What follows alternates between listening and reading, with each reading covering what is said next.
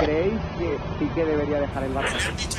Pues hay que en que ha ganado más de 30 títulos para el Barça. Y hoy se ha acabado el gran Piqué que conocíamos. Culers, sóc el Gerard. Fa setmanes, mesos, que molta gent parla de mi. Fins ara no he dit res. Però ara vull ser jo el que us parli de mi. Gerard? Hola. Sí, molt bé. Com molts de vosaltres, sóc del Barça des de sempre. Vaig néixer en una família molt futbolera Gerard, no facis tonteries. i molt culer. Des de molt petit jo no volia ser futbolista. Volia ser jugador del Barça. Ja, vart fan börjar man?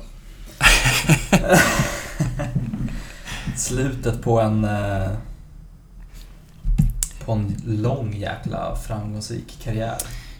Ja, ehm, jag no- noterade liksom att, eh, nu vet jag inte vilket, det känns ofta som att man eh, liksom hänvisar till Twitter-tyckare utan att hänvisa till vem, vilket ju är lite halvtaskigt på sitt sätt. Men, men någon som liksom förde eh, tanken om att liksom så här, han har han har alltid varit där liksom. Eh, och det är väl något som ganska många känner igen, antar jag, som, som liksom ja, men som började följa Barca på sent liksom 00-tal. Eh, och sen kommer en, en video och sen är det slut. Mm. Eh, så.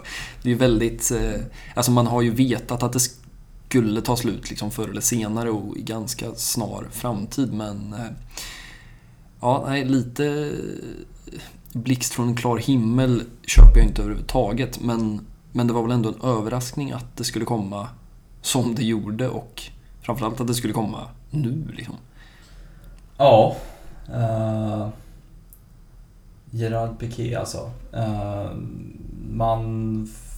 Vi har ju ända sedan den där 8-2 torsken Ja. Bayern München när han liksom sträcker upp den där handen och säger att ja, jag lämnar plats för liksom nästa Mm.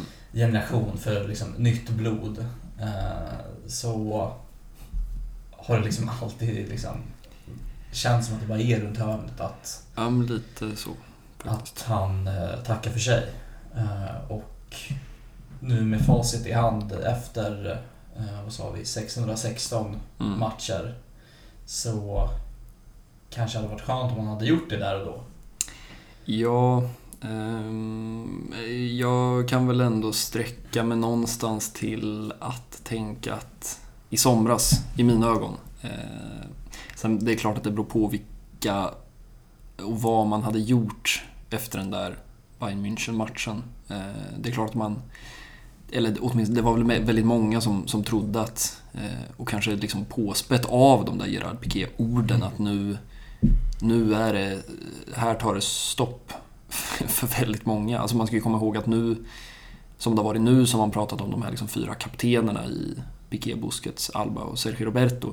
Men där och då, eh, vilket vi väl har pratat om tidigare tror jag, att eh, liksom du har en Luis Suarez, en Ivan Rakitic, eh, alltså ett helt, en Clément Langlais. Alltså, där och då så skulle man kanske ha behövt skeppa då egentligen liksom sju, åtta startspelare Ja. och någonstans så förstår man också att det är svårt att göra det. Och jag tycker också att man ska ha med sig, eh, framförallt när man pratar om liksom den fotbollsspelaren Gerard Piqué som har varit de här senaste åren, att så viktig som han var för Barcelona, framförallt förra säsongen, om, även om liksom det inte har räckt till på långa vägar, även om man skulle behövt en annan spelare på hans plats, så ska gudarna veta att han har varit så extremt viktig och Barcelona har varit en klubb som alltid i princip, förutom kanske den där våren 2012, eh, för övrigt i, Pamplona kanske mot Osasuna där väl Pep Guardiola liksom på riktigt tappade förtroendet för Piqué.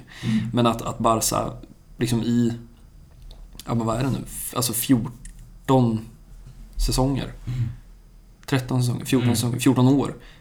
Har liksom alltid lutat sig mot Gerard Piqué. Eh, egentligen sen, sen det visade sig att liksom Martin Cáceres inte, inte var den där mittbacken som skulle spela bredvid Carles Puyol hösten 2008. Nej. Så eh, har han ju varit där. Eh, och han har synts och han har hörts. Och, eh, ja, jag vet inte vart man ska börja, jag vet inte vart man ska sluta. Men vi kanske ändå ska börja med att liksom bara radda den här meritlistan som han sitter på. Eh, om man börjar liksom i, i Manchester United, eh, en Premier League-titel, en Community Shield-titel och den där Champions League-titeln Mm. eh, i maj, kanske juni 2008. Som ju många glömmer, tror jag.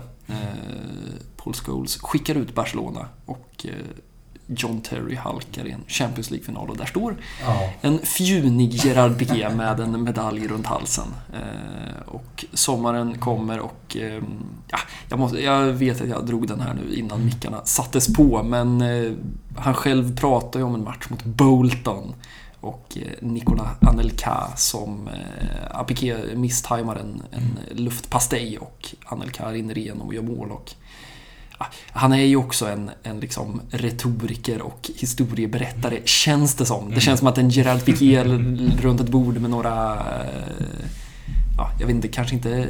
Ja, han är väl i och för sig fostrad med liksom Roy Keane. Jag vet inte om han dricker pints eller vad han dricker, den gode Gerard. Men det känns som att han har anekdoter som han gärna kryddar lite. Mm. Eh, oklart om hur kryddad den här är, men eh, historien gör i alla fall gällande att han där och då förstod att eh, Sir Alex litar inte på mig längre. Nej. Och eh, i slutändan så betyder ju det att han återvänder till sitt Barcelona sommaren Mm. 2008 och eh, sen dess så har vi ju då eh, alltså åtta La Liga-titlar. Vi har sju Copa del Rey-titlar. Vi har sex Supercups, spanska Supercups-titlar, tre Champions League-titlar, tre Supercup-titlar, tre klubblags VM-titlar, ett VM-guld, ett EM-guld, ett U19 EM-guld. Eh, och så har vi de här värdelösa liksom, Uefa Team of the Year och FIFA Pro-utmärkelserna. Ja. Eh, han har också fått någon slags så här, eh, liksom, eh, jag vet inte, alltså Real Orden del Merito Deportivo, alltså någon sån här Royal Order-medalj. Ja. Eh, vilket man ändå noterar är lite uppseendeväckande, även om man fick den 2011 efter VM-guldet såklart. Men Såklart. så här i efterhand med, Ja. eh, ja, vi ska väl inte undgå att prata liksom Katalonien och självständighetskamp här senare, men eh, ändå noterbart att han kan eh, titulera sig med den Ja. eh, medaljen också. Från någon slags... på den där på varenda VM-spel. Ja, lite, lite så, men det känns som att man hade hittat någon slags Ja. kryphål. Eh, Det är väl en av mina favoritbilder. Jag vet inte, vi ska väl kanske... Det är väl kanske så man avslutar på något sätt. Försöka få ut någon slags, med alla dessa bildrättighets... eh, Den bildrättighetsgropen man ogärna hamnar i, men en av mina bilder som jag alltid tar med mig är när han står och firar VM-guldet med en Seniera lindad runt hela kroppen. Eh, vilket man väl där och då kanske inte förstod vilken symbol Nej. det skulle bli. Men eh, ja, herregud. Eh, med det sagt, en meritlista som är diger men eh, det är ju inte meritlistan tror jag man kommer att minnas Gerard Piqué för. Nej, det är många, många bilder, många sekvenser som spelas eh, i huvudet när man tänker på Gerard Piqué. Mm. Eh, Men jag försöker ändå tänka tillbaka på kanske en av de första och då vet du tusan om man inte hamnar på Santiago Bernabéu när han Mm. får sätta dit det där 6-2 målet i slutet. Eh, Mm. Som för övrigt, eh, han snor ju det målet. Ja, Eh, av Leo Messi. ja. Eh, vilket än idag kan gräma mig för att det hade varit något snyggt att ha med i liksom Messis historieböcker. Ja. Eh, men, eh, ja herregud. Eh, med facit i hand så är det klart att Gerard Piqué ska göra det där och eh, liksom dra väl ut tröjan på något konstigt vis. Ja. För att liksom visa... Han har väl berättat om att han liksom inte kommer ihåg någonting från det. Det, det blev någon form av... Han ska ha fått någon... Blackout. Ja, en klassisk blackout. eh, Och bara eh, liksom förlorat sig i stunden. Mm. Eh, Vilket man gillar. Ja, ja herregud. Se la lleva Xavi. Xavi la juega para Piqué que también se anima. Piqué con Messi. Messi va a buscar la entrada de Tono y fuera de juego. Viene Piqué acompañando la jugada. Se va de todo buscando el centro. Piqué. Casillas. Piqué. Golazo de Piqué. Golazo del sexto de Piqué. Que se toma el lujo de demostrar que para jugar en el Barça sea el sitio que sea, hay que tener calidad. Piqué acaba de hacer una de crack de delantero centro. Piqué acaba de marcar el sexto en el Bernabéu. Jag vet inte hur gammal han var där eh, början på säsongen. 08, Ja, 09. alltså han är ju 21. 22 Ja. Eh, och det noterar man ju också när man tänker tillbaka just på den där... eh, Jag vet för övrigt att jag eh, var ju inte mycket till en man där och då i sina unga dagar. Men jag vet att jag satt i valet och kvalet mellan att se Robinson och eh, det där klassikot. Och Ja. jag valde klassikot, vilket jag idag inte ångrar. Jag tror inte att jag gjorde det då heller faktiskt. Och så bara nämna Thierry Henry i de här sammanhangen också. Mm. Eh, är, på tal om bilder som etsar sig fast, han i den där tvådelade tröjan är ju något utöver det vanliga. Ja, verkligen. Och herregud, en mittbackskollega, Kalle Spiol, som stångar in en, en kvittering där i början på andra halvlek och liksom drar av sig kaptensbindeln och kysser den. Så det är ja, en match med många minnen. Ja, men eh, herregud. i alla fall kanske den första på Gerard Piqué som eh, dyker upp eh, i huvudet. Ja. Nej, men om man tänker, eh, bara för att stanna i det rent sportsliga, liksom vilken... Eh, jag, vet, jag vet inte vad man ska jämföra med, eller om det finns något att jämföra med, men, men liksom det, det som Pep Guardiola gör den där hösten. Liksom, eh, många pratar ju liksom om, eller det känns som att historieskrivningen har blivit någonstans att han plockar liksom upp Pedro och eh, Sergio Busquets från, från en tredje, division där han själv liksom var coachade. Eh, och att det på något sätt var eh, sagan. Men det är ju minst sagt lika mycket saga att bara sätta in en liksom, väldigt förhållandevis grön Gerard Piqué Mm. som två år senare liksom står som en av världens främsta mittbackar och vinner ett VM tillsammans med Carles Puyol. Eh, ja, när man, det tåls liksom att titta tillbaka på det där och faktiskt förstå vad som hände den där, den där hösten men liksom hela, hela säsongen. Från att man liksom tappar poäng i två raka ligamatcher i, i augusti till att man står på Olympiastadion i, i Rom och, och höjer en Champions League-buckla. Eh, det är och förblir en av de mer fascinerande säsongerna ett lag har gjort i fotbollshistorien. Ja. Eh, Det är en åsikt. Det är en kulle som jag eh, tar kulor på. Mm. Mm. Nej men herregud, det är väl klart att det där kanske är det första ja, men riktigt stora eh, den riktigt stora ögonblicksbilden som, som kommer att att etsa sig fast. Eh, och redan där och då så är det klart att, att det händer i ett El Clasico, att det händer mot ett, ett Real Madrid. Mm. Eh, och jag vet inte om man ska dra det plåstret på en gång, liksom den här frågan varför, varför Piqué? Eh, alltså varför har han så tydligt varit liksom eh, Beroende på vilken sida man har stått på så har ju liksom antagonist och protagonist varit Mm. Gerard Piqué och Sergio Ramos. Eh, beroende på om man är vit eller om man är blåröd. Eh, och egentligen så är det väl ganska svårt, tycker jag i alla fall, att sätta fingret på varför, varför Gerard Piqué. Eh, jag vet inte om, om du har någon, någon smart slutsats att, att komma med. Nej, men eh, det det är väl någonstans i, i hans... eh, DNA. Ja, men precis. Hans DNA, liksom. Att han är den här eh, Barca-killen, liksom, through and through. Mm. eh, som har liksom knallat till Camp Nou med mor och farföräldrar. Mm. Vilket väl allting. för övrigt, ska vi väl säga, var de, bara för att kliva väldigt långt fram i tiden, som han liksom refererade till när han pratade, när han avslutade sitt tal på Camp Nou, sin Mm. med liksom, jag, jag föddes här och jag kommer att, att dö här. Mm. Eh, Det var någon slags en hommage till, till de där stackars farföräldrarna som, eh, ja, som väl liksom, vad säger man? Alltså, eh, raised, alltså, vad fan säger man? Uppfostrade honom in i, Mm. i blårött. Nej, men jag, jag vet inte. Det är svårt att riktigt sätta fingret på. Men det, det är väl in, kanske inte svårare än att han...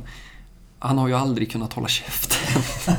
Så, Det har ju också någonting med det att göra. Ja, eh, och eh, det är klart att eh, det har väl aldrig varit oproblematiskt att vara eller det har väl aldrig varit oproblematiskt att liksom det spanska landslaget har byggt på liksom en stomme Barcelona-spelare, en stomme Real Madrid-spelare. Mm. Det har väl aldrig varit oproblematiskt att vara liksom katalan i ett spanskt landslag. Det har aldrig varit oproblematiskt att prata om självständighet eh, för Katalonien, eller för Baskien för den delen, i, i Spanien. Och någonstans är det väl två lager i det där. Alltså han, han liksom har hånat, häcklat, trakasserat Real Madrid när tillfälle har eh, kommit. Liksom, det har ju varit eh, gliringen mot Ronaldo som var på den där festkvällen. Mm. Eh, det har varit härliga skratt, gråtskratts-emojis när Dennis Cheryshev hoppar in och skickar ut i den sekunden Real Madrid ur Copa del Rey. Ja, Och, han tar ju varje chans Ja, han får. och eh,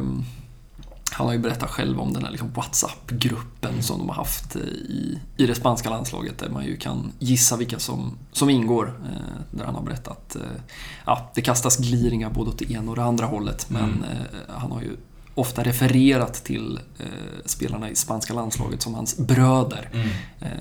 Och, ehm, problemet har bara varit att, att liksom folk utifrån inte riktigt har kanske klarat av att göra den där distinktionen.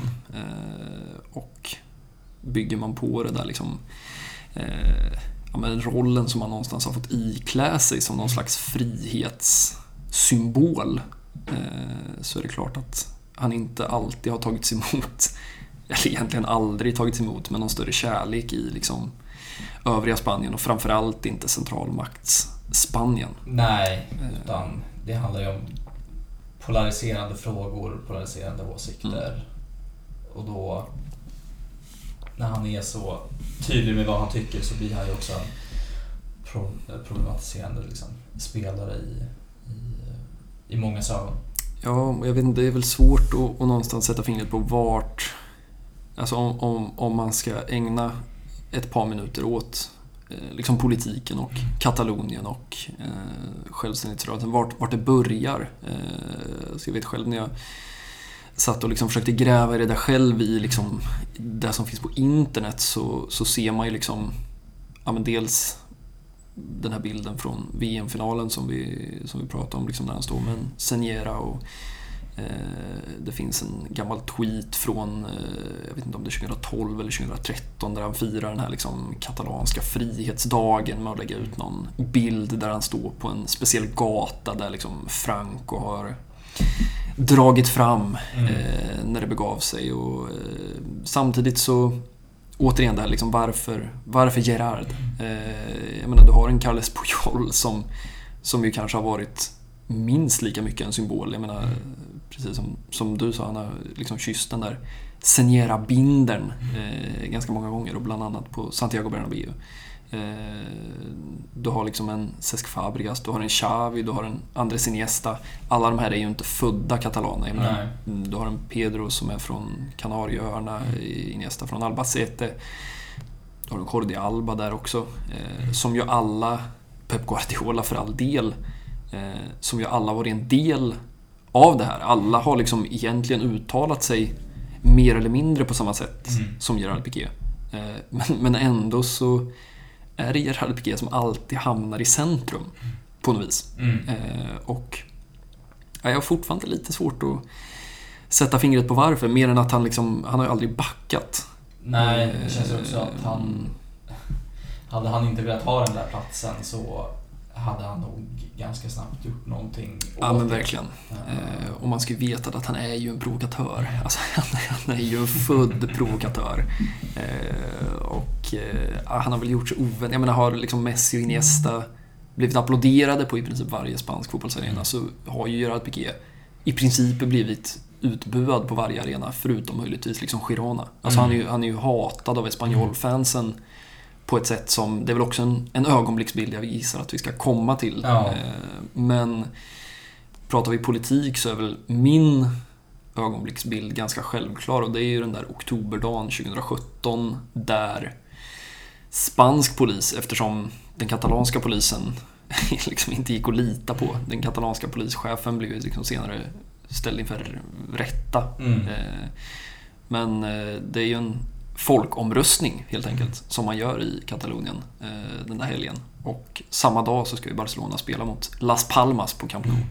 Och eh, kvart över fyra ska man spela och vid lunchtid så twittrar Piqué ut en bild från en vallokal.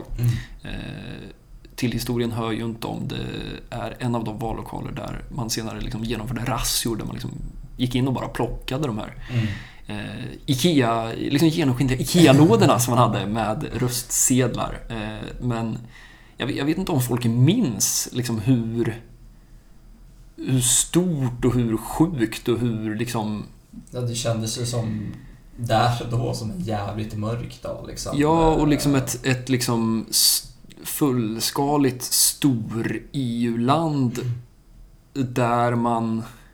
Och det ska man ju också ha med sig att, att liksom centralmakten och Madrid och Spanien liksom någonstans i stort såg ju den där folkomröstningen som liksom, ja, liksom illegal Ja. från första början. Eh, och Ja, jag vet inte. Det finns ju liksom... eh, Jag vet inte om, om det kan vara värt att, att twittra ut några av de där eh, videorna. Visserligen blir ju... Allt blir anekdotiskt när man ska försöka återge liksom en hel dag. Och det är klart att det... Det fanns ju liksom, och det finns katalanska grupper som också är liksom jävligt våldsamma och det finns en liksom frihetsrörelse som är ja, mer eller mindre extrem. Mm. Liksom. Men eh, faktum är ju att det var många som, som ville gå och rösta som, eh, ja, men som skadades. Liksom, Ja. som, inte, eller som hindrades från att gå och rösta.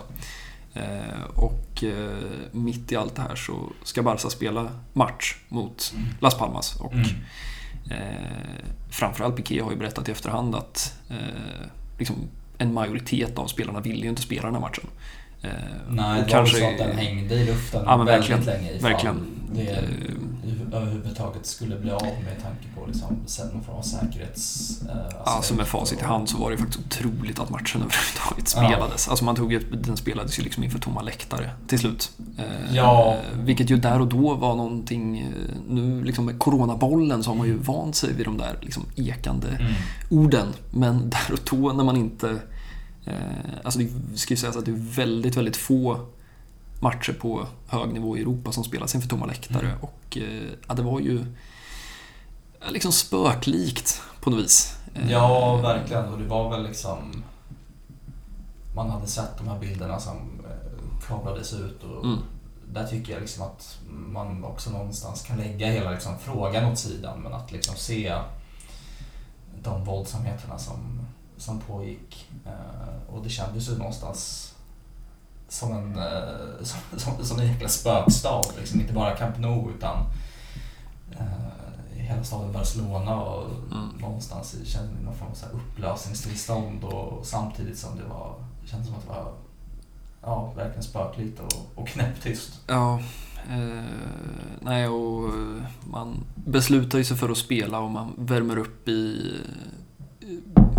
rödgula uppvärmningströjor och eh, demokrati står tryckt på de Mm. ikoniska storbildsskärmarna. Storbildsskärmar är fan att ta i, jag vet inte vad man ska kalla dem på Camp Nou.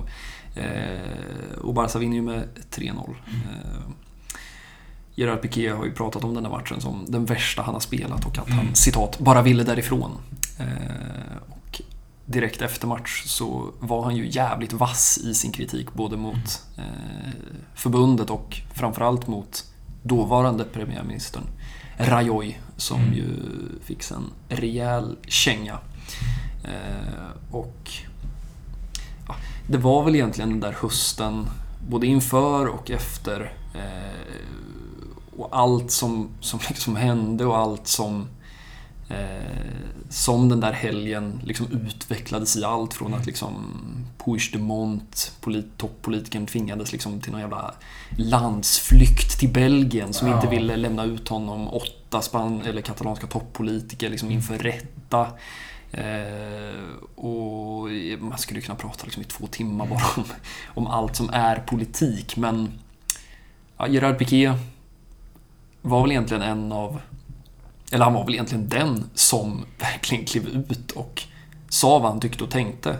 Eh, för, för att återkoppla till liksom, varför blev det Piqué? Varför blev det inte någon av de andra katalanska symbolerna? Eh, och här ska man ju veta att liksom, vid det här laget så har ju Carles Puyol lagt skorna på hyllan Mm. sen, sen liksom tre år tillbaka. Eh, och han har väl kanske varit den som efter Piqué varit den tydligaste liksom, symbolspelaren, symbolen för katalanicismen. Eh, men jag tror väl någonstans att han, i och med att han var så långt från fotbollsplanen vid det här laget, eh, såklart inte kunde bli utbuad på liksom, Nej. arenor runt om i, i landet. Men han har ju alltid varit ute liksom, och, och twittrat och, och hållit i han också.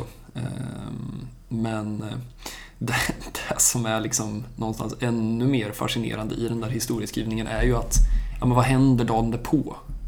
Jo men då är det landslagssamling. Ja. Och eh, Gerard Piqué har ju redan vid det här laget bekräftat att han kommer att sluta efter VM Mm. 2018. Vilket ju innebär att han avslutar sin karriär. För övrigt med att se stackars Iago Aspas missa en straff på Luzhniki-stadion i Mm. Moskva. Eh, och Iago Aspas har ju typ sedan dess inte spelat för det spanska landslaget. Nej. Vilket ju är en gåta för många. Eh, men det är ju också en, en annan historia. Men till råga på allt så har ju då landslaget beslutat sig för den gyllene idén att anordna en öppen träning i Madrid. Ja. Eh, och eh, jag ska eh, spela upp vad som möter Gerard Piqué där.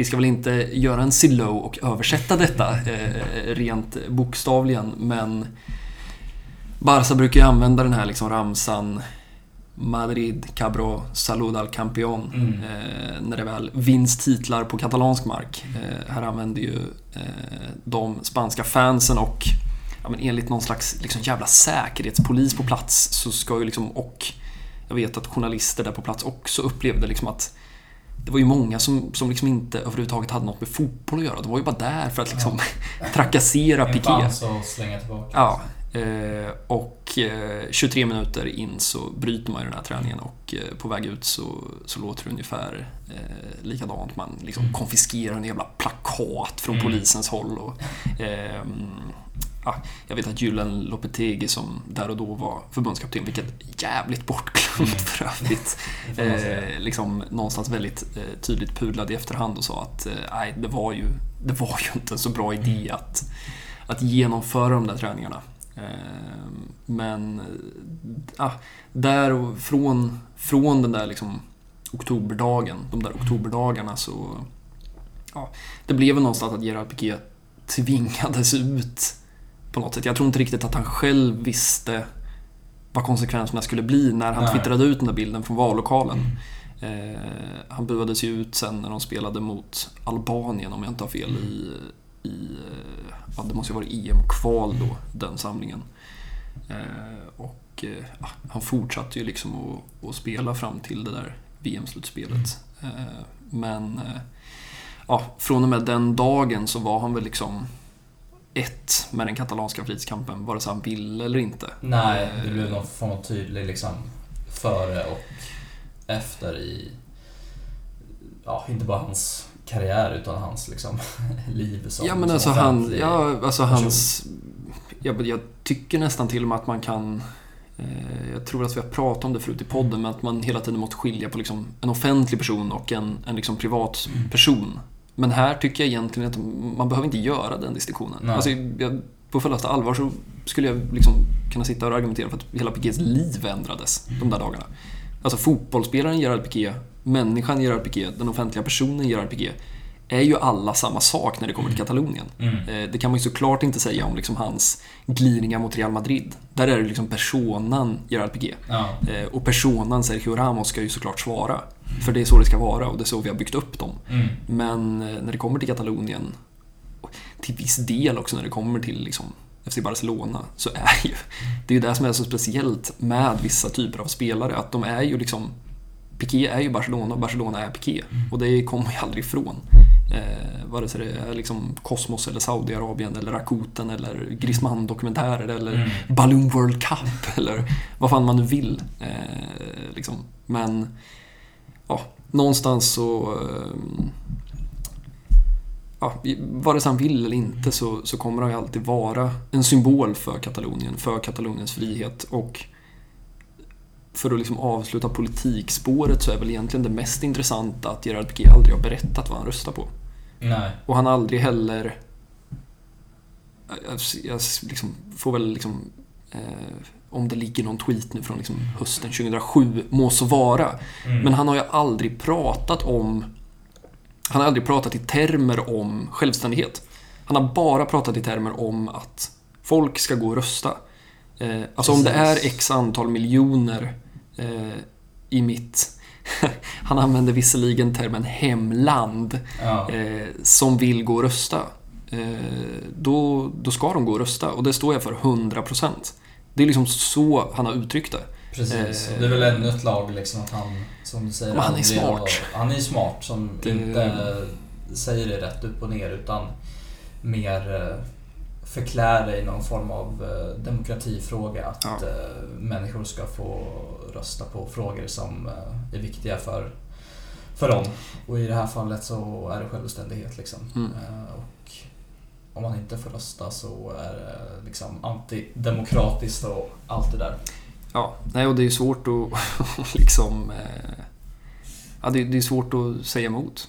Eh, sen måste man väl också ha med, jag tror det är svårt liksom för en svensk eller även för liksom engelsk press eller för liksom att förstå liksom Kataloniens status och vad Katalonien är och vad, vad liksom Madrid och centralmakt är i Spanien. Alltså Ja. det, är- det är ju så jävla infekterat eh, och det går så långt tillbaka men också i så pass, inte nutid, men liksom modern tid som jag tror att folk inte tänker på. Eh, alltså man pratar om liksom världskrig och men, men liksom Francos regim, det är ju, det är ju inte liksom, vi pratar inte 1700-tal här. Nej. Utan vi- liksom en generation Ja men alltså vi pratar liksom om en Gerard Piqué som med all säkerhet har fått berättat av liksom levande släktingar hur det var. Mm. Eh, jag menar, rent teoretiskt så skulle du kunna haft, liksom, inte för allt för många år sedan, Barcelona-spelare som kunde ha berättat om det där klassikot när liksom regimen kommer ner i halvtid och berättar att liksom, om inte ni lägger er nu så ja, då, då kan ni hälsa hem. Mm. Liksom. Eh, och ja, Jag tror att det är en kontext som man liksom inte kan förstå men i alla fall måste försöka ta in för att förstå hur jävla liksom komplext Spanien är. Verkligen. Och kanske för att liksom stänga politikkapitlet. Det finns ju liksom tusen kapitel till där att använda men, men någonstans så kommer de väl alltid att använda det där argumentet att när Spanien stod på toppen av världen så, så, så var det katalanerna som gjorde det möjligt. Mm. Eh, och det är klart att det är en till viss del överdrift och en fel pensling av historien. Men det ligger också jävligt mycket i det. Eh, det var ju liksom pojkarna från La Masia som möjliggjorde det där. Eh, och Piqué står där med senieran runt, runt sin kropp Ja. och en VM-buckla i handen och eh, någonstans och det visste man ju inte då. Det är det jag någonstans tycker är så jävla ballt. Att liksom, där och då så visste man inte att, att liksom 7, 10, 12 år senare så skulle han vara på en sån ofantligt annorlunda plats. Eh, men den där bilden kommer ju någonstans alltid att finnas kvar som, som ett tidsdokument över Mm. inte bara fotbollsspelaren Gerard Piqué och inte bara människan Gerard Piqué utan på något jävla sätt liksom den politiska maktfaktorn, den politiska vägledaren Gerard Piqué utan att han kanske egentligen förstod det riktigt själv. Nej. Eh, det har ju någonting. ja, Eh, det, han är ju liksom... Därför är han väl kanske också den mest... Ja, jag vet inte. En av de mest komplexa och unika fotbollsspelarna som eh, Ja, vi har upplevt i... det, tid. ja, verkligen. Alltså hands off. Eh, han är ju... Han är ju svår att, att förhålla sig till. Eh, på på väldigt många sätt oavsett om man är liksom Madridbo eller eh, någon typ av Barcelona-supporter eller bara ser fotboll utifrån. Eh, Men eh, ja, nej, jag vet inte eh, vart man tar vägen härnäst. Eh, Jag vet inte om du vill ta oss någon annanstans. Ja, nej men för att eh, vi kan ju fortsätta om vi stänger politikspåret så har vi också någon form av affär, affär, affärsman. Ja, Tappar ja, ordet ja men det är, liksom. inte, det är inte fel ord. Nej, eh, affärsmannen Piqué. Och vi har pratat om vad hans intressen har, har legat. Mm. Eh, och där är det väl... Men exakt vart i tiden det blev, men där fick man den första smak, liksom försmaken av vad som komma skall.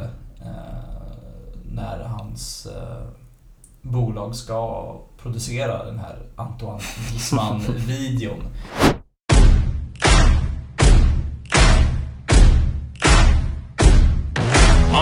Estaréis hartitos eh, por los comentarios que dicen si me voy, si me quedo, eh, cuánto me dan, cuánto no me dan, eh, pero la verdad es la que voy a decir ahora. Set me free and give me death, there ain't no other choices. When I lay down to go to sleep, I keep on hearing voices. Little whispers in my head, man, is you fake or loyal? Och det var då man fattade att här kan det ju finnas Ja, men viss intressekonflikt. viss intressekonflikt. Får man ändå Eh, säga. Absolut. Och eh, det blev väl någon form av liksom start på hela, på hela hans, eh, ja, hans eh, affärsidé på något sätt. Ja, jag vet inte vart... Eh, ja, men om, om man ska tillåta sig att gå över från politik till affär. Jag, vart börjar man och vart slutar man liksom? Eh, det, det känns som att man kan, likt liksom den här gubben i Google Maps, hoppa ner på så många ställen i den här tidslinjen. Men eh, jag måste vad, vad döpte... eh, För den där hette väl liksom La Decision? Precis. Liksom beslutet. Ja. Eh, Bara för att då Griezmann sommaren därefter lämnar för Barca i en 120 miljoner euros affär. Det finns liksom inga vinnare någonstans Nej. i de där fyra åren av Antoine Griezmann. Det, det är verkligen fascinerande. Ja, det är väl Atletico då som liksom Ja. cashar in, men samtidigt, ja, vad gör de med de pengarna? De värvar en Joao Felix. Och, Som inte gör någon glad. Nej, och säga att liksom Griezmann hade stannat. Jag tror att det hade varit väldigt annorlunda Atletico Madrid, en väldigt annorlunda Diego Simeone idag.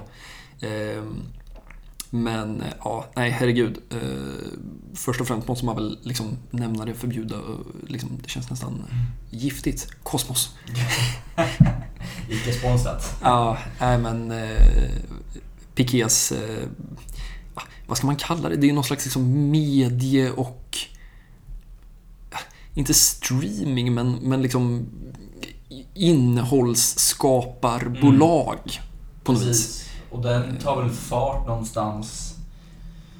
Det måste vara slags efter att Pep Guardiola tackat för sig. Mm. För då så var väl kanske Piqué den spelaren som led allra mest Mm. med Pep Guardiolas liksom, strikta schema och vad man får och inte får Ja. och att man ska befinna sig i säng vid liksom 23.00 och liksom Ja. inte gå ut och, och surfa på dagarna och riskera någon skada. Liksom. Mm. Eh, och eh, det var väl efter det som livet utanför fotbollen kanske öppnade sig lite mer uh, Ja, för Piqué. det är väl verkligen känslan och det är väl så han själv också har beskrivit det. Eh, och också, liksom, ja, det här är ju liksom säsongen 11-12 och det är hans då 08, 09, 10, 10, 11. Alltså 10, 11 står de ju verkligen på toppen. Det är fortfarande, håller jag som det absolut bästa fotbollslag jag någonsin har sett. Jag tror aldrig jag kommer se ett bättre fotbollslag heller för den delen. Eh, men liksom man kan ju tänka sig själv då Eh, vid det här laget så han, han vet inte att han, han har visserligen ett EM kvar att vinna. Ska man ju säga. För han är ju inte med i den här 08-truppen. Nej. Eh, faktiskt. Jag menar, han har vunnit VM, han har stått på toppen av världen i, i tre säsonger och det kommer en reaktion. Det är så han själv också beskriver det där. Och åter till den här matchen i Pamplona, även den här matchen mot Chelsea, eh, där Barca till slut eh, ja, men inte, inte når hela vägen. Eh, men han blir ju jävla knockad av Victor Valdes Mm. i någon duell där och som han själv har berättat om att, att liksom ja, det kanske var bra för mig. Att jag, jag, vaknade upp Ja. eh, därefter. Eh, men det är väl liksom en helt korrekt kor- eh, historiebeskrivning att, att den där våren 2012 eh, ja, men dels blir någon slags uppvaknande för honom. Eh, dels på planen men också att det finns det finns ett pokerbord där ute. Ja. Det, finns, eh, det finns japaner. Eh, Rakuten, detta bolag som alla var så jävla kåta på Ja. efter liksom år av Qatar Foundation och Qatar Airways. skulle det komma in rena pengar på något sätt. Ja, eh, detta liksom typ vitvaruföretag. Ja, Eh, form av eh, e-handel och liksom. Ja, men som sen hade några liksom jävla kopplingar till Guangzhou Evergrande. Och vad, vem spelade där? Jo, Paulinho. Och, och vilka liksom, ja, det var ju så jävla mycket med det där. Men till historien hör ju att grundaren av Rakuten är ju också med och grundar Cosmos. Alltså han står ju fortfarande på deras hemsida som CEO and founder. Ja, Eh, och det är ju här allting liksom börjar snurra. Eh, för att vilka har producerat Grisman-dokumentären? Jo, det är ju Cosmos Productions. Ett un- underbolag till, Ja. till eh, liksom huvud-Cosmos. Eh, det är här Andorra och Gymnastik Manresa köps. Alltså, det är här, eh, liksom, det är här allting grundar sig.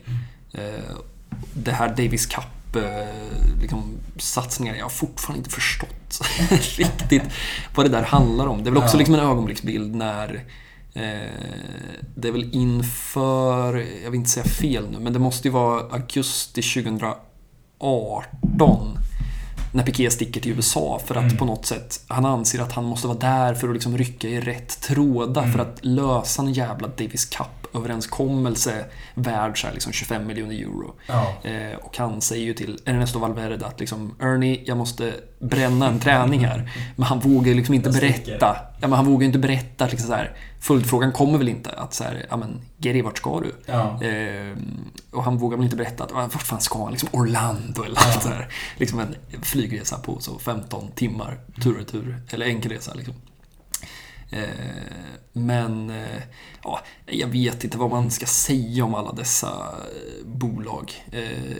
Jag ska inte glömma och twittra ut denna ofattbara Balloon World Cup som väl liksom på något sätt är det mest ofattbara han har gjort hittills. Ja.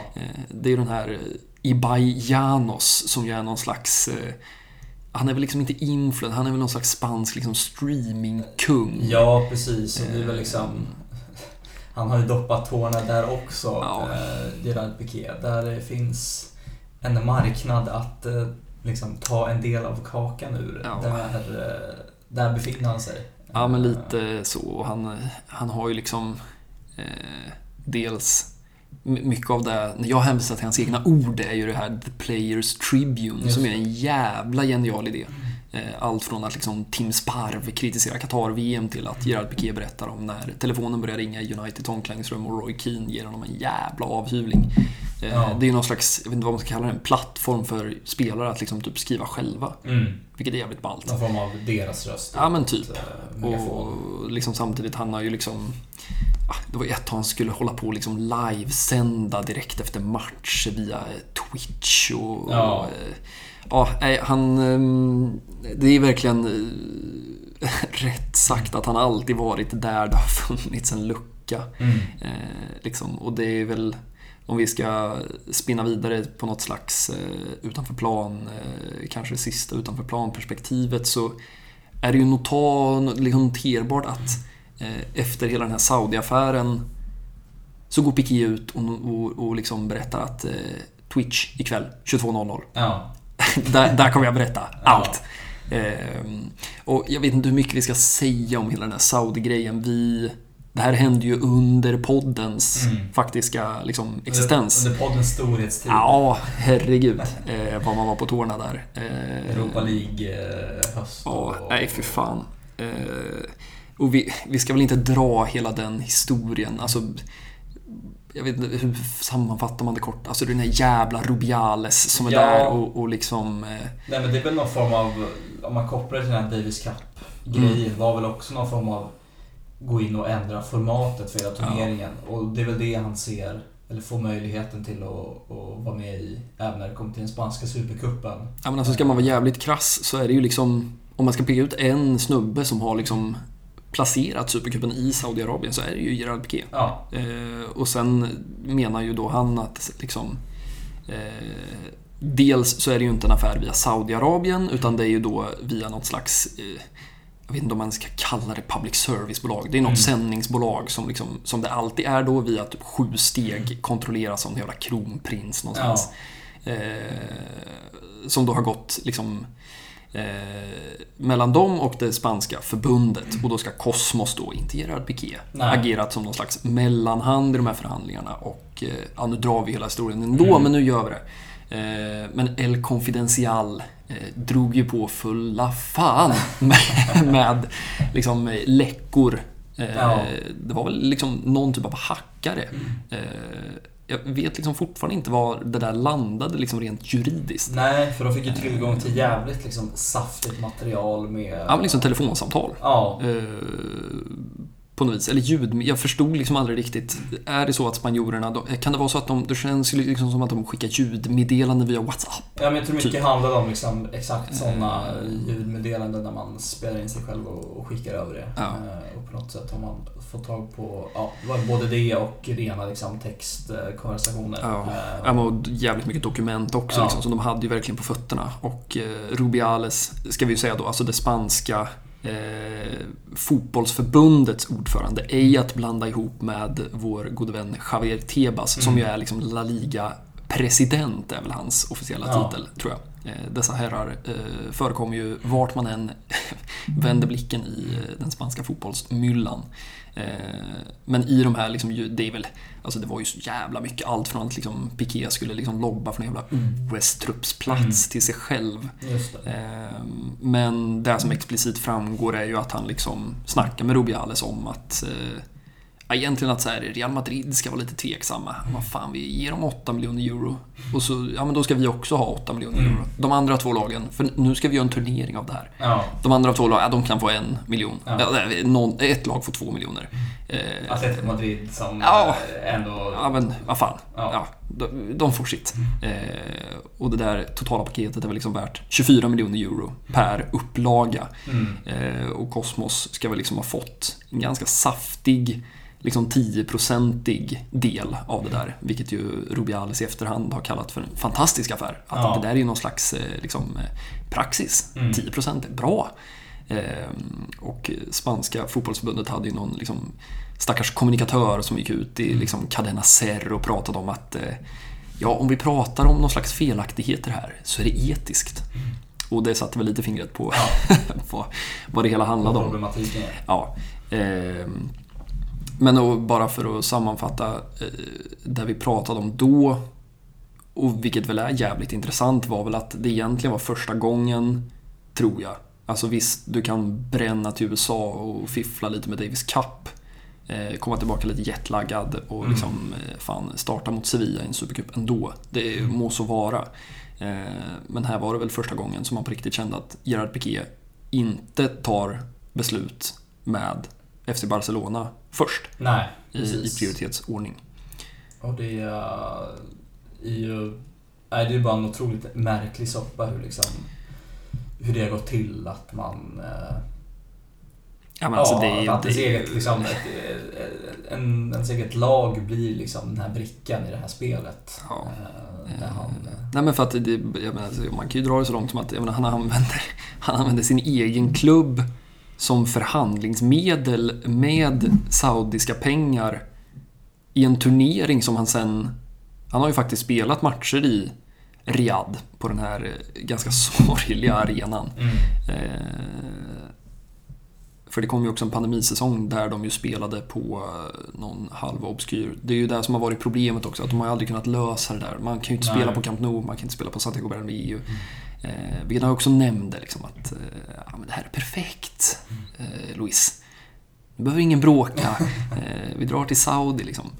Eh, Men jag vet ärligt talat inte vad allt det där liksom slutade i. Jag vet att Rubiales pratade om liksom eh, Piqué var väl också så att eh, ja, det, det har liksom inte begåtts några juridiska fel här. Nej. Papperna finns absolut. Eh, Det är snarare jävligt oetiskt att att liksom plocka våra våra filer, våra ljudmeddelanden. Jag vet att Rubiales kallade det för en maffia Ja. Mm. och att han hade polisens fulla tillit. Eh, Jag vet fan inte hur det där slutade riktigt. Ja, Supercupen spelas väl fortfarande där Ja, nästa säsong och Eh, Rubiales sitter, kvar. fortfarande kvar. Och, Eh, Lite sexismskandaler och eh, annat gött. som har kommit upp Eh, senaste tiden också. Var, väl också, var det han eller Tebas som hade liksom typ pissat på Villarreal och Valencia i något... Nej, det var Rubiales som Det var Rubiales ja, det också. mm. Fan, han är... Det är klart. Han är överallt. Eh, nej men det är väl egentligen där man... Det är väl egentligen den liksom grejen som sticker ut i allt Piqué har varit. Eh, Precis. får gärna liksom hit me up om det finns någon annan gång, någon annan stund, någon annat moment där man så tydligt kan se att han har gjort saker ur ett annat perspektiv än ett Barca-perspektiv. Men det är väl just där det där sticker ut. Och sen, jag menar, man behöver väl inte vara någon slags liksom, geni för att bara skjuta ner det där i något slags här etik i natten-perspektiv. Det är ju så fel det bara kan bli på alla sätt. Men, Verkligen. men det som är liksom riktigt notabelt om man ska prata Gerard Piqué är ju att han... Ja, jag vet, gick han fel? Eller var liksom, trodde han... Ble, alltså, blev han till slut för mäktig för sig själv? Alltså, eller var... Alltså det känns inte som att det är lite som när liksom eh, Iker Casillas bränner ut sin liksom homosexuell Mm. tweet. Någonstans borde det funnits någon i de här liksom enorma jävla PR-teamen som jag gissar att de har. Ja. Som hade sagt att liksom, du behöver inte de här liksom, Mm. ja, om då Cosmos fick 4 eller 6 miljoner euro, vad får Piqué då? Inte vet jag, en. Ja. Du behöver inte de här pengarna, Nej. Gerard. Det enda du gör är att du liksom svärtar ditt eget rykte. Eh, Och tvingas spela fotboll i Saudi liksom. Ja. Eh, Men... eh, Ja, det är en svår fråga där. Det är liksom... Det är hela den här, om man ska dra en parallell till liksom sport, sportwashing-grejen. Att Mm. liksom, I Sverige tycker vi att det, liksom, det, får, det biter inte på en och att det är Nej. superproblematiskt och fel. Men i den större delen av världen så, så tänker man inte på det överhuvudtaget. Nej, det är liksom. sant. Det är sant. Och att så kanske det är i liksom Spanien. Ja men det är fallet. verkligen, man ska ha klart, alltså de har väl kommit en bit på väg. För att vi pratade om det just för att återkoppla till Casillas-tweeten Mm. också. Att, att så här, här i Sverige så liksom ja, jag vet, vem skulle dra en sån? Alltså Mm. granen. Mm. Drar ut liksom. Alltså, han skulle ju vara persona non grata innan han, han klickar på tweet. Liksom. Ja. Men eh, ja, Spanien det är ju en annan kontext. Eh, och det är klart att det ligger säkerligen en del i det där. Eh, och det är väl lite på samma sätt. Att det inte liksom är oproblematiskt att en spelare Alltså, nu hände ju aldrig det, men jag menar, skulle Barca lottats mot FC Andorra eller Gymnastik Manresa som hamnat jävligt mycket i skymundan. Ja. Alltså, är det någon som vet att han äger två klubbar? Eh, Andorra är nog... Ja, men det är ju liksom ansiktet flesta, utåt, ja. liksom. Eh, spelar under Segunda nu liksom. Mm. Eh, men jag menar, skulle de ställas mot Barca i en Copa del Rey-match så... Eh, alltså, hade Gerard Piqué spelat en sån match så är det ju... Jag, jag, jag det är liksom... Alltså, ska en aktiv fotbollsspelare Ja. kunna äga en klubb? Eh, ja, ja det, det är ju liksom... Alla fall samma fotbollssfär på något sätt. Ja men det är liksom jävligt märkligt på, på alla plan. Eh, och vi kanske bara ska nämna den här liksom nya lagen som väl folk har lyft och lobbat som någon slags är liksom anledning till att varför slutade Piqué nu Mm. egentligen? Eh, som ju återigen liksom när man söker igenom spansk press som ju är ett jävla... det är inte lätt. Eh, men det ska ha röstats igenom på någon nivå och det ska fortfarande vara oklart på någon nivå. Eh, Men eh, det är ju artikel 47, om jag inte har fel. Eh, som ju då ska eh, förhindra liksom aktiva fotbollsspelare att ha, jag tror att de uttrycker det som liksom ekonomiska intressen i, i klubbar, i tävlingar som de själva deltar i. Och det känns väl inte som en jävla minut för sent att, att Nej, man driver igenom någon, någon sån där eh, El Articulo de Gerard, Ja. som eh, spansk press gärna hänvisar den till. Lex Jerry. Ja. Eh, nej, men jag vet, jag vet liksom inte vart man börjar och slutar med liksom företagaren. Eh, entreprenören, Ja. den enskilde näringsidkaren Gerard Piqué. Eh, men det är väl bäst att bara sluta på, Ja. på någon slags oklar, eh, oklart eh, plan. Jag vet inte om vi ska, liksom vart vill man mer bege sig på fotbollsplanen? När man minns tillbaka. Jag tänker ju osökt på en Copa del Rey-match mot Espanyol. Mm. Som ju har någon slags konstig jävla förkärlek för att eh, pissa på Shakira.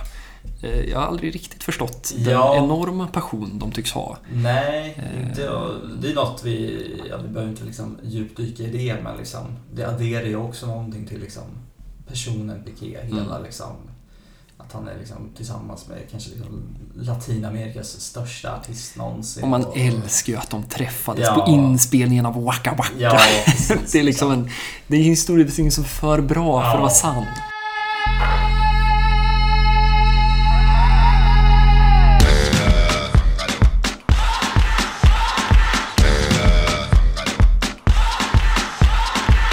Det adderar ju också någonting liksom. Men eh, jag vet inte heller var, var det där kommer ifrån. Ja, för det är inte något man känner igen liksom. Det är klart att det, det sjungs ramsor om Shakira Mm. på diverse spanska arenor när Gerard Piqué är där, men, men det känns som att liksom, Espanyol-fansen har gått i bräschen Ja. för någon slags... Eh, Det är någon form av lätt tavla man kan alltså, ja, lätt att gå på. Liksom. Det måste väl också vara... Är det 18-19 eller? De har de här groteska jävla eh, mörkbrun, vinröda borta Mm. ställen och där var det en gris jävla match. Eh, och Piqué nickar in en boll som tystar hela arenan och firar med sina väldigt klassiska vantar. Det känns Ja. som att Gerard Piqué alltid ska springa in till ja, långärmat och vantar liksom i jävla eh, rysk bortamatch. Mm. Som det alltid var på den tiden. Barca spelade fan alltid mot Rubin Kazan i Champions League. Eh, ja, men ett, ett ögonblick som jag tänker att det kanske inte är så många som tänker på i första hand när man tänker på Gerard Piqué. Eh, lite samma den här, är det, är det i Kåpan, det måste vara i Kåpan mot Sevilla under pandemisäsongen. Eh, när han nickar in en boll på den här helt liksom vanvettiga matchen. Eh, Just det är det. den våren när Barca spelar liksom så här fyra förlängningar i Kåpan. Just det. Eh, Det är Griezmann som skickar ett inlägg i liksom tilläggstid Ja. och så tar man det till förlängning och, Ja. och så vinner man det då liksom. Eh. Och går till final är det väl. Ja, men också något att höra de där segervrålen som man aldrig hör på en Nej, full så här, precis. Venga, venga, Ja. va, va, va, Jerry! Och han är framme liksom. Ja. Och, eh, herregud vad han har varit framme vid... eh, TV-kameran. Ja, det där, det där kan han eh, Ja. utan och, eh, och innan. Han, han vet vart han ska stå för att synas. Ja, men det, det är sen gammalt alltså. Eh, jag vet, det, det känns som att det är ju en spelare, ofta när man tänker på Leo Messi, eh, jag tänker man hoppas verkligen att man en dag eh, på något jävla sätt så måste de ju lösa någon slags avtackning om det nu inte ska bli en säsong till. Mm. Eh, och att man ska sitta här och göra liksom eh, liknande om Leo Messi så, så vet man ju fan heller vart man ska börja och sluta. Nej. Men med Gerard Piqué så känns det liksom lite på samma sätt utan att göra några jämförelser. Men, men han är ju liksom en spelare som liksom de ikoniska händelserna och liksom ögonblicken, de bara kommer till honom. Ja. Eh, Det, spelar liksom ingen roll vad han gör. Eh, jag menar för att återkoppla till, det är väl säsongen 08-09 också när han hittar någon jävla inkastad tändare. Eh, och Pujol är där direkt och, Kastar och liksom bort den. eh, kastar bort den och eh, knuffar till honom och Ja. liksom, vakna upp nu eh, kompis. Eh, Det är en mäktig highlight reel han sitter på liksom. Det är de här avklippta näten vid varje Ja. liksom stor seger i de jag vet, här är, det- är det liksom han som kan ta äran Det känns inte som att han var först för på det det där? faktiskt liksom. Eh, ja, för redan i Rom Mm.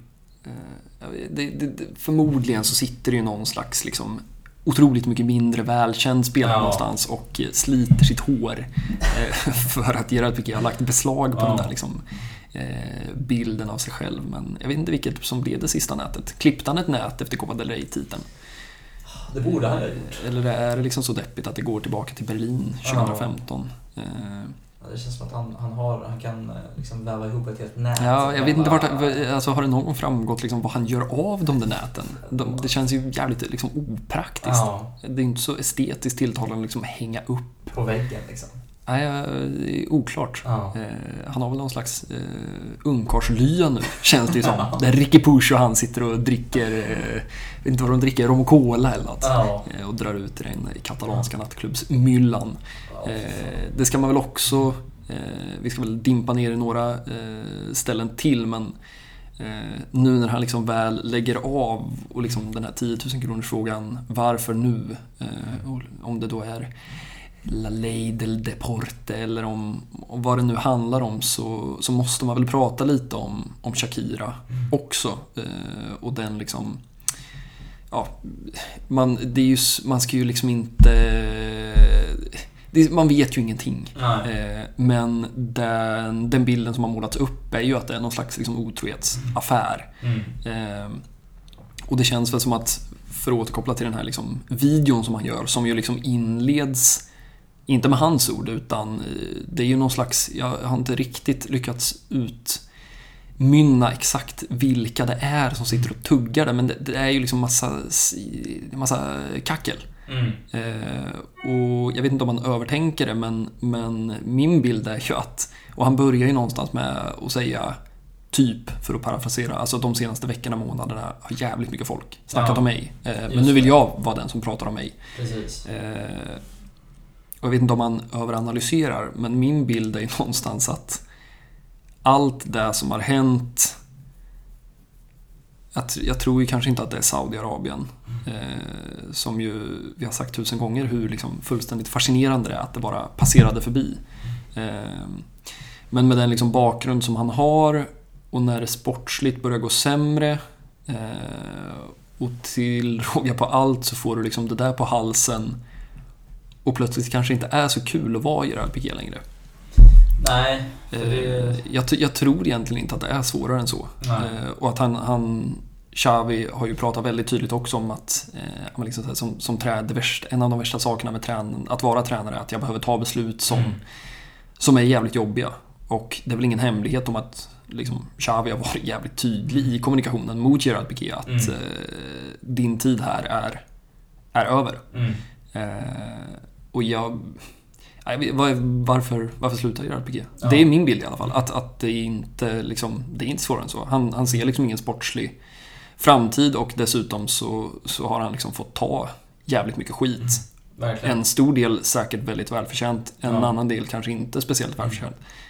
Eller Ja. svara, svara på frågan. Nej men det är alltså, man- onekligen liksom en tuff, tuff liksom, sista år nu liksom. Med, Ja. eh, och man ska väl också ha det i åtanke att det är människor vi pratar om och mår man inte bra utanför plan så är det svårt att må bra på plan också. Mm. Eh, och eh, det var väl också efter den här avtackningen som hans farfar är det väl, Mm. eh, Bernabeu efternamn, Mm. som också har någonting. Mm.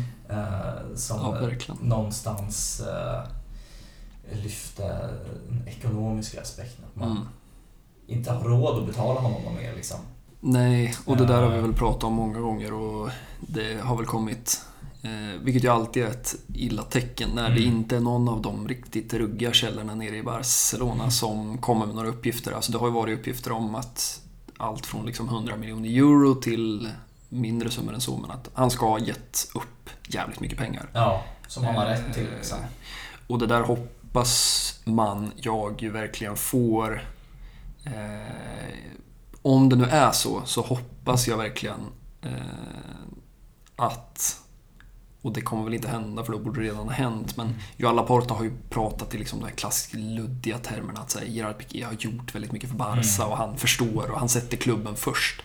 Eh, Men jag förstår inte riktigt vad som förhindrar Johan Laporta från att berätta att Gerard Piqué berätt, du behöver inte nämna några summor, Nej. men det hade räckt med att han berättar att Ja, men som ni alla vet så har ju Gerard Piqué gett upp och skjutit stora delar av sin lön under Corona, vilket har räddat oss mer eller mindre. Mm. Och när han nu slutar så gör han det med ytterligare ett år på kontraktet och det har han avsagt sig också.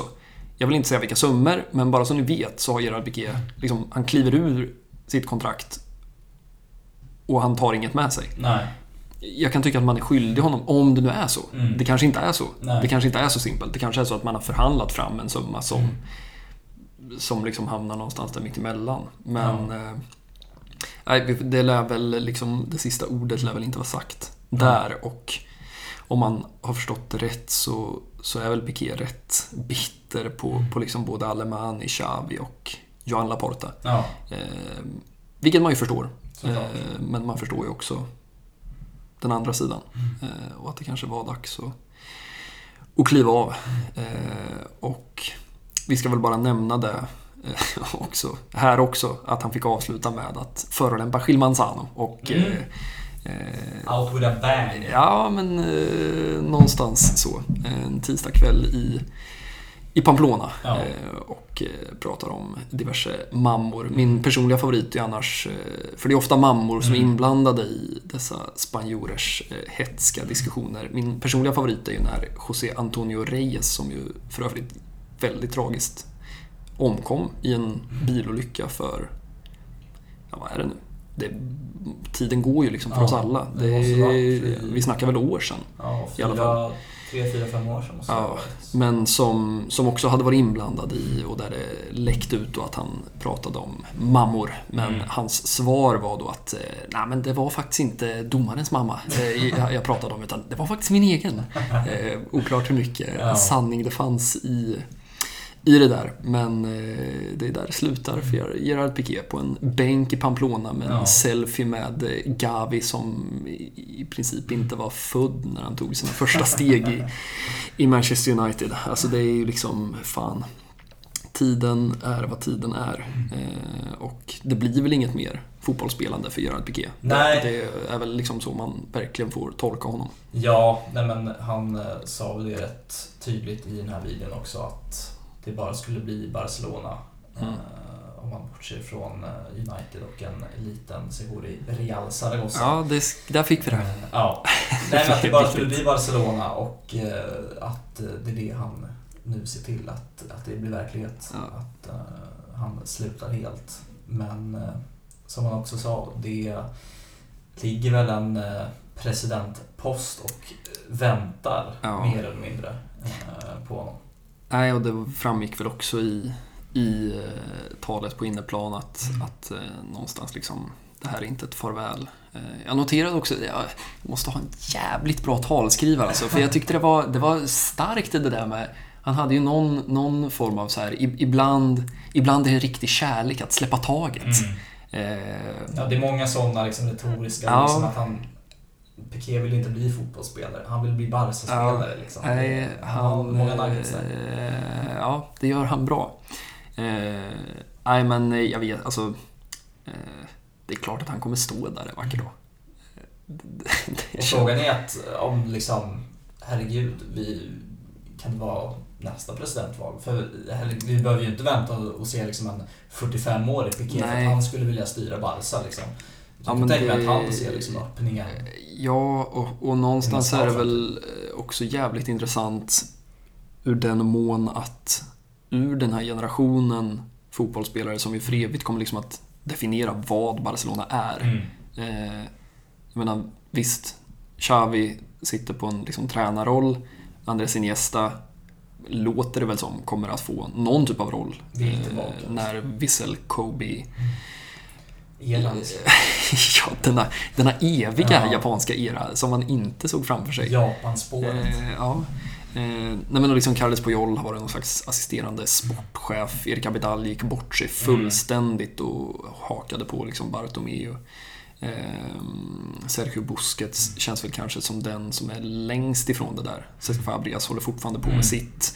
Eh, men det är ju egentligen ingen, om man pratar liksom ytterligare en generation tillbaka, alltså presidentmässigt så har det ju varit liksom politiker och affärsmän. Mm. Eh, vilket fascinerar mig på sitt sätt. Jag tänker liksom osökt på alla dessa afrikanska spelare som liksom går och ställer upp i jävla presidentval. Ja. Liksom, så här, folk på fullaste allvar menar att så här, Mo Salah skulle kunna styra Egypten om han bara ville. Och lite så känns det ju att, jag menar, ställer Gerard Piqué upp i ett presidentval så är det ju en väldigt liten del av mig som kan se honom förlora ett sånt. Mm. Eh, sen är det väl frågan hur länge liksom Laporta sitter. Jag kan ju tänka mig att Laporta kandiderar för, för ett, en liksom mandatperiod till. Mm. Vilket ju ska sägas att det kommer ha jävligt mycket med att göra hur hans liksom totala jävla satsa allt på rött sommar och höst utspelar sig. Men eh, ja, herregud, det är klart att man inte inte är förvånad om Piqué liksom står som Barcelonas president innan 2030. Eh, Ja, det alltså, måste ju vara typ favorit på liksom. det, och sen huruvida det är en bra idé eller inte. Alltså, Det är en helt ja, Det ja, kan vi ta två det, det, till. det känns som att det kan, eh, kan gå både åt det ena och det andra hållet. Ja. Eh, Men nog kommer vi se mer av Gerard Piqué, det är väl en sak som är säker. Det känns också lite konstigt att liksom ha pratat över timmen om Piqué och fortfarande inte nämnt de där fem fingrarna upp i luften. Ja, Manitan. Eh, Det, det är väl det är kanske... tidiga elva-säsongen där. Ja, Eh, det är det ju. Med José Mourinho på Real Madrids tränarbänk. Kanske... Nu slänger jag med må- många sådana här liksom bästa, men ja, det är väl i och för sig den finalen i, på, på Wembley mot Mm. United. Eh, Vilken match håller du som den bästa fotbollsmatch du har sett? Eller bästa fotbollsmatch, eh, det är fel, för det handlar om jävligt mycket annat. Då kanske typ är så här Shabalala. Ja, precis. men, Det mycket. Liksom. men liksom det bästa, det bästa fotbollslaget som har gjort en prestation över 90 minuter. Jag, jag tror liksom att det där klassikot eller Mm. Champions League-finalen på Wembley för mig är... De är ju där uppe. Eh, Liksom, för det är klart att du kan prata, man kan prata liksom om en remontada eller man kan prata men liksom, de, Jag är ganska övertygad om att Barsas liksom CL-finallag den majkvällen, junikvällen. Det är alltid, man, Champions League-finaler ska alltid spelas i juni så att man Ja. bara kan säga junikväll. Eh, men jag är ganska övertygad om att de skulle piska det där 16-17-laget eh, ganska simpelt. Ja, Eh, verkligen. Men f- för att liksom, det känns som att temat här har varit någon slags ögonblicksbilds eh, tidsresa. Så är väl någonstans, om man ska använda en bild av Gerard Piqué, så är det väl de där fingrarna Ja. upp i luften. Eh, Man liksom ser lyckan i, i liksom hans ögon. Ja, men det är liksom- och handen liksom Ja. sätta dit. Ja, det liksom pillemariska leendet Ja. som finns där och eh, ja, herregud, man kan säga mycket om Gerard Piqué, men eh, det, han, det behövs. Eh, jag, tror att vi har pratat om det där förut också, men liksom vilken, vilken typ av fotbollsspelare är det som tar över? Alltså kommer vi till den punkten att alla ska heta Pedri, Jamal Mm. Musiala och Erling Haaland och vara liksom eh, stöpta ur någon jävla fotbollsfabrik och var mediatränade sedan de var 12 och liksom inte ha några politiska åsikter, inte kunna säga vilken liksom, favoritlåt man har, typ. eh, och det är väl liksom... Man tänker osökt på liksom en Dani Alves också. Eh, alltså, vilken typ av fotbollsspelare är det som kommer finnas de här kommande åren? Eh, jag... Jag vet inte, det, kanske, det är en jävligt stor liksom, tanke att tänka. Men jag tror ändå att det finns någon slags konstig distinktion som gör att man inte riktigt kommer, kommer se samma typ av profiler. Och jag vet Nej. inte riktigt varför. Jag har svårt att sätta fingret på varför. Eh, jag menar den hela generationen med liksom spelare med det är klart att Messi och Ronaldo väl är liksom de bästa fotbollsspelarna man någonsin har sett och det blir naturligt. Men jag tänker också att det är liksom en hel generation fotbollsspelare. Allt ifrån liksom Gerard Piqué, Dani Alves, Sergio Ramos, Luka Modric. Eh, som jag inte riktigt ser. Jag vet inte vilka de nya spelarna är som, som liksom ska kliva in och, och ta det där Nej. liksom utrymmet. Neymar för all del också Ja. som, som ju liksom är på väg utför. Nej. En, en liksom, Kylian Mbappé känns ju liksom iskallare än någonsin. Hur liksom överjävligt skicklig fotbollsspelare han än må vara. Eh, men eh, ah, man kan väl säga så mycket som att vi kommer väl aldrig få se en, en fotbollsspelare som... Och det, det känns ju liksom jävligt banalt på något sätt att prata om Gerard Piqué som en fotbollsspelare men det känns väl kanske aldrig som att man kommer få se en spelare som Ja, kommer man få se en spelare som på samma sätt berör hela Spanien Det, igen? det tror jag inte. Eh, Något man vet är också att den här tiden hade varit så otroligt mycket fattigare utan Gerard Piqué. Ja men Och eh, verkligen. Tystare, det, det ska ha. Nej, man hade någon liksom berättat den där sommaren 2008 när en, en liksom väldigt mycket mer oförstörd och oförarglig Gerard kom hem till Mm. Barcelona och eh, att, att han sådär 14 år senare skulle, skulle kunna se tillbaka på 14 år av, av liksom jag vet inte, jävla eh, dårskap men också ja, liksom han har varit på toppen av fotbollsvärlden på något sätt. Han har också varit ganska nära botten av den. Eh, han har ju liksom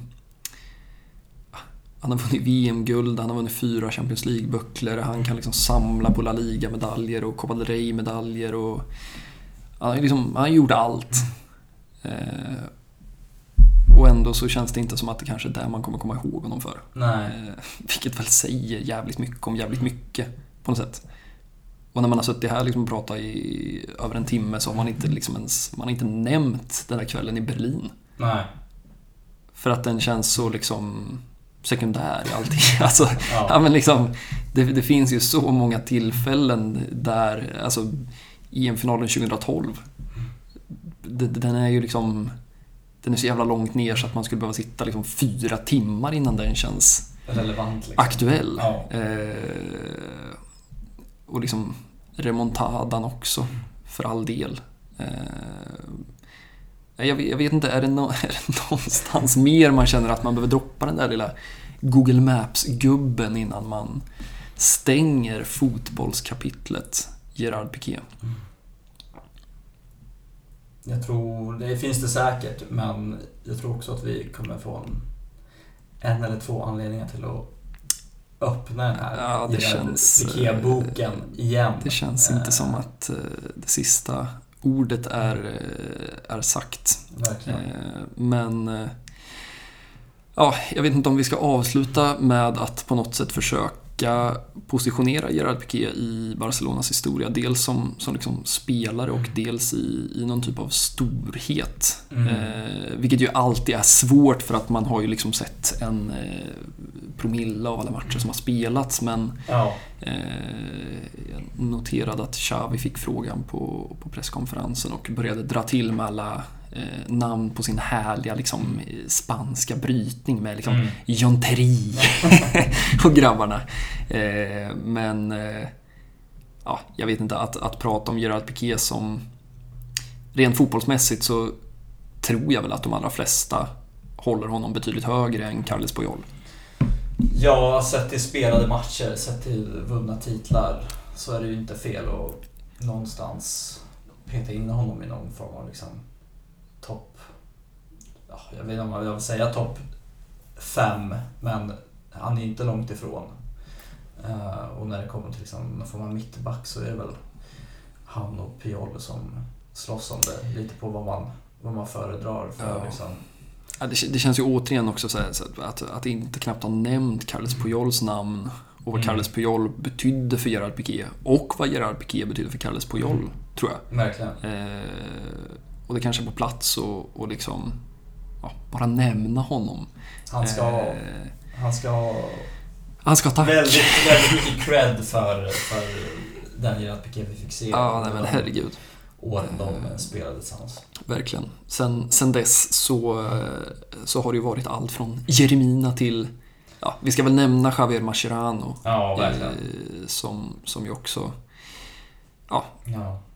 det är ju, jag vet inte vad vi pratar om, fem säsonger. En av de mest underskattade Ja, alltså herregud vad folk pratar för lite om honom.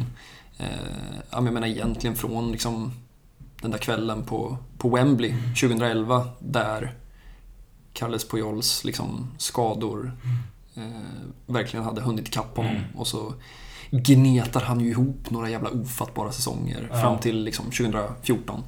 Men eh, Mascherano är ju den som måste ju i princip, ja i och för sig Langley och Piqué gjorde ju många matcher tillsammans också. Mm. Men Mascherano måste ju ha varit den mittback som, Det som, eh, som har varit där överlägset mest. Men han har ju klarat av liksom Zygrinski och en Samuel Umtiti på topp och en Samuel Umtiti på botten. och Ja. det har varit en Ronald Araujo. Det har varit herregud, Mark Monesa och André Fontas och eh, Martin Cáceres och jag vet inte, det måste ju vara en 20-25 gubbar han har Ja. haft eh, bredvid sig genom åren.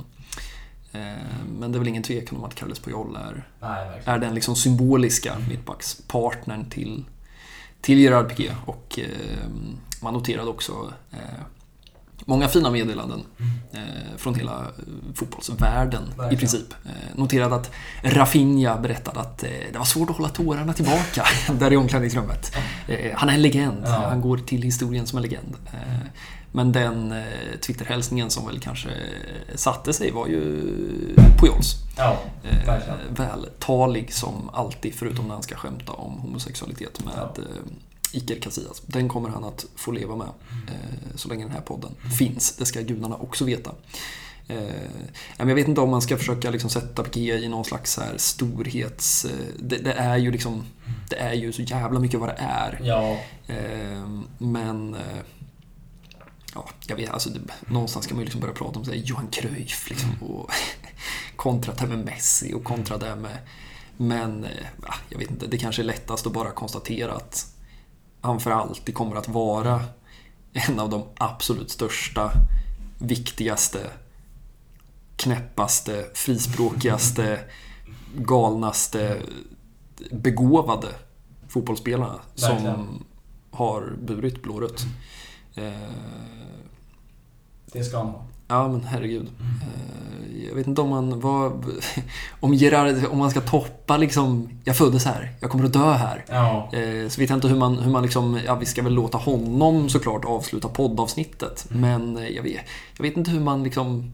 Vad, vad säger man? Hur avslutar man det här? Ja, jag hoppas liksom att om vi, om vi har missat något som är fullständigt uppenbart så tar vi ju gärna emot Verkligen, all kritik verkligen. för att sedan eh, pudeltweeta ut någon slags Ja. content på eh, vad det nu kan vara. Jag tänkte själv sätta mig och eh, leta igenom bildbiblioteket för att eh, Det där lär ju dyka upp ett och annat. Ja, herregud. Eh, Det känns verkligen så. Eh, Nej men vi, jag, jag vet inte, vad säger man liksom? Alltså, Vi lyfter på hatten ja men tack. Du ska fan ha tack. För väldigt... Ja men liksom tack för att vi fick hänga med. Ja. Eh, fotbollsvärlden behöver inte färre spelare än, eh, som Gerard Piqué. Eh, och eh, ja, vi ska väl inte säga mer. Vi, eh, vi låter väl eh, Gerard själv berätta. För den som ja, det är ju inte jävel som kommer, kommer förstå. Men jag tror att man hör i rösten och eh, varenda spelare som är stor för Barcelona, Mm. eh, Leo Messi, eh, varenda en som förtjänar det, ska avsluta på Camp Nous inneplan med en mick i Så hand. Det fick Gerard och eh, vi lämnar ordet.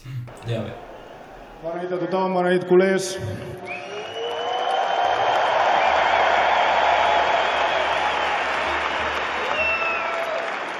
En primer lloc, i, i perquè si no després me'ls deixaré, els agraïments. Eh, moltes gràcies a tots els meus companys, a tot l'estaf tècnic, a tots els fisioterapeutes, els doctors, a la gent del gimnàs, a la gent eh, del material, eh, a tots els que ens ajuden dia a dia a que les coses siguin més fàcils. Gràcies a la Junta per tots aquests anys també. Eh, a la vida, quan et fas gran, te n'adones que a vegades estimar és, és de deixar marxar. I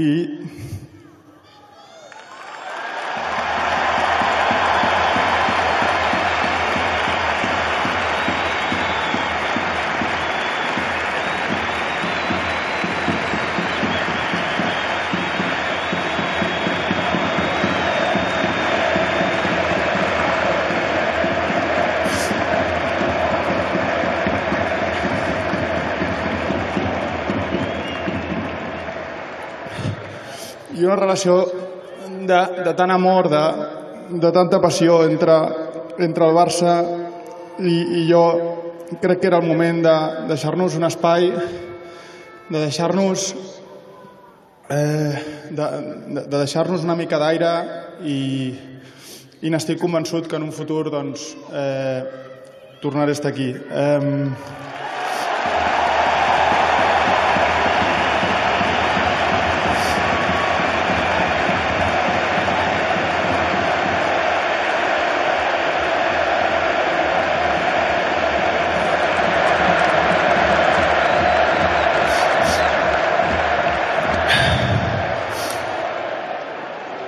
això no és un comiat, ja vaig marxar amb 17 anys perquè també en aquell moment doncs, creia que, que necessitàvem un espai i, i vaig tornar. I per acabar, doncs, eh, dir-vos, ho sabeu molts de vosaltres, el, el meu avi em va fer soci el dia que vaig néixer. Eh, vaig néixer aquí i moriré aquí. Eh, visca el Barça, sempre.